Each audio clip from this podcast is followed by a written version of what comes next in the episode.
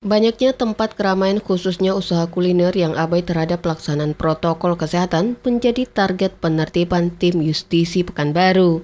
Kepada wartawan, Kepala Satpol PP Pekanbaru Iwan Simatupang menjelaskan, pada razia pertama yang dilakukan di pekan ini ada empat usaha kuliner yang dibubarkan operasionalnya. Karena selain telah melewati jam operasional, juga tidak mematuhi protokol kesehatan.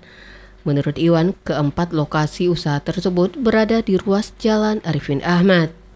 Dalam kegiatan ini juga dilakukan penindakan dan teguran terhadap masyarakat yang tidak mematuhi protokol kesehatan dengan teguran lisan serta juga melakukan pembagian masker terhadap masyarakat yang tidak menggunakan masker. Iwan menegaskan pihaknya akan terus melakukan patroli rutin terhadap tempat-tempat keramaian yang tidak mematuhi protokol kesehatan.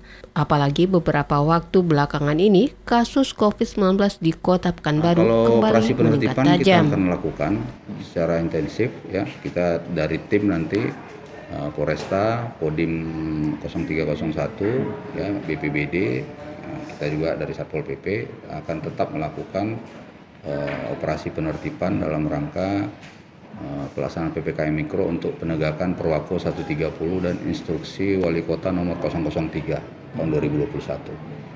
Nah, nanti sasaran kita sebagaimana yang uh, kita lakukan tadi malam terhadap tempat-tempat kuliner yang jam operasionalnya itu sudah melebihi sesuai dengan instruksi wali kota nomor 003 itu kan hanya sampai jam 22 boleh membuka dengan menyiapkan tempat selebihnya silakan dia buka tapi kan harus take away kan atau belanja lewat uh, uh, online. Sebelumnya petugas juga memantau langsung pelaksanaan protokol kesehatan di pusat kuliner Bundaran Keris Jalan Diponegoro Ujung serta juga yang berada di RTH Kacamayang.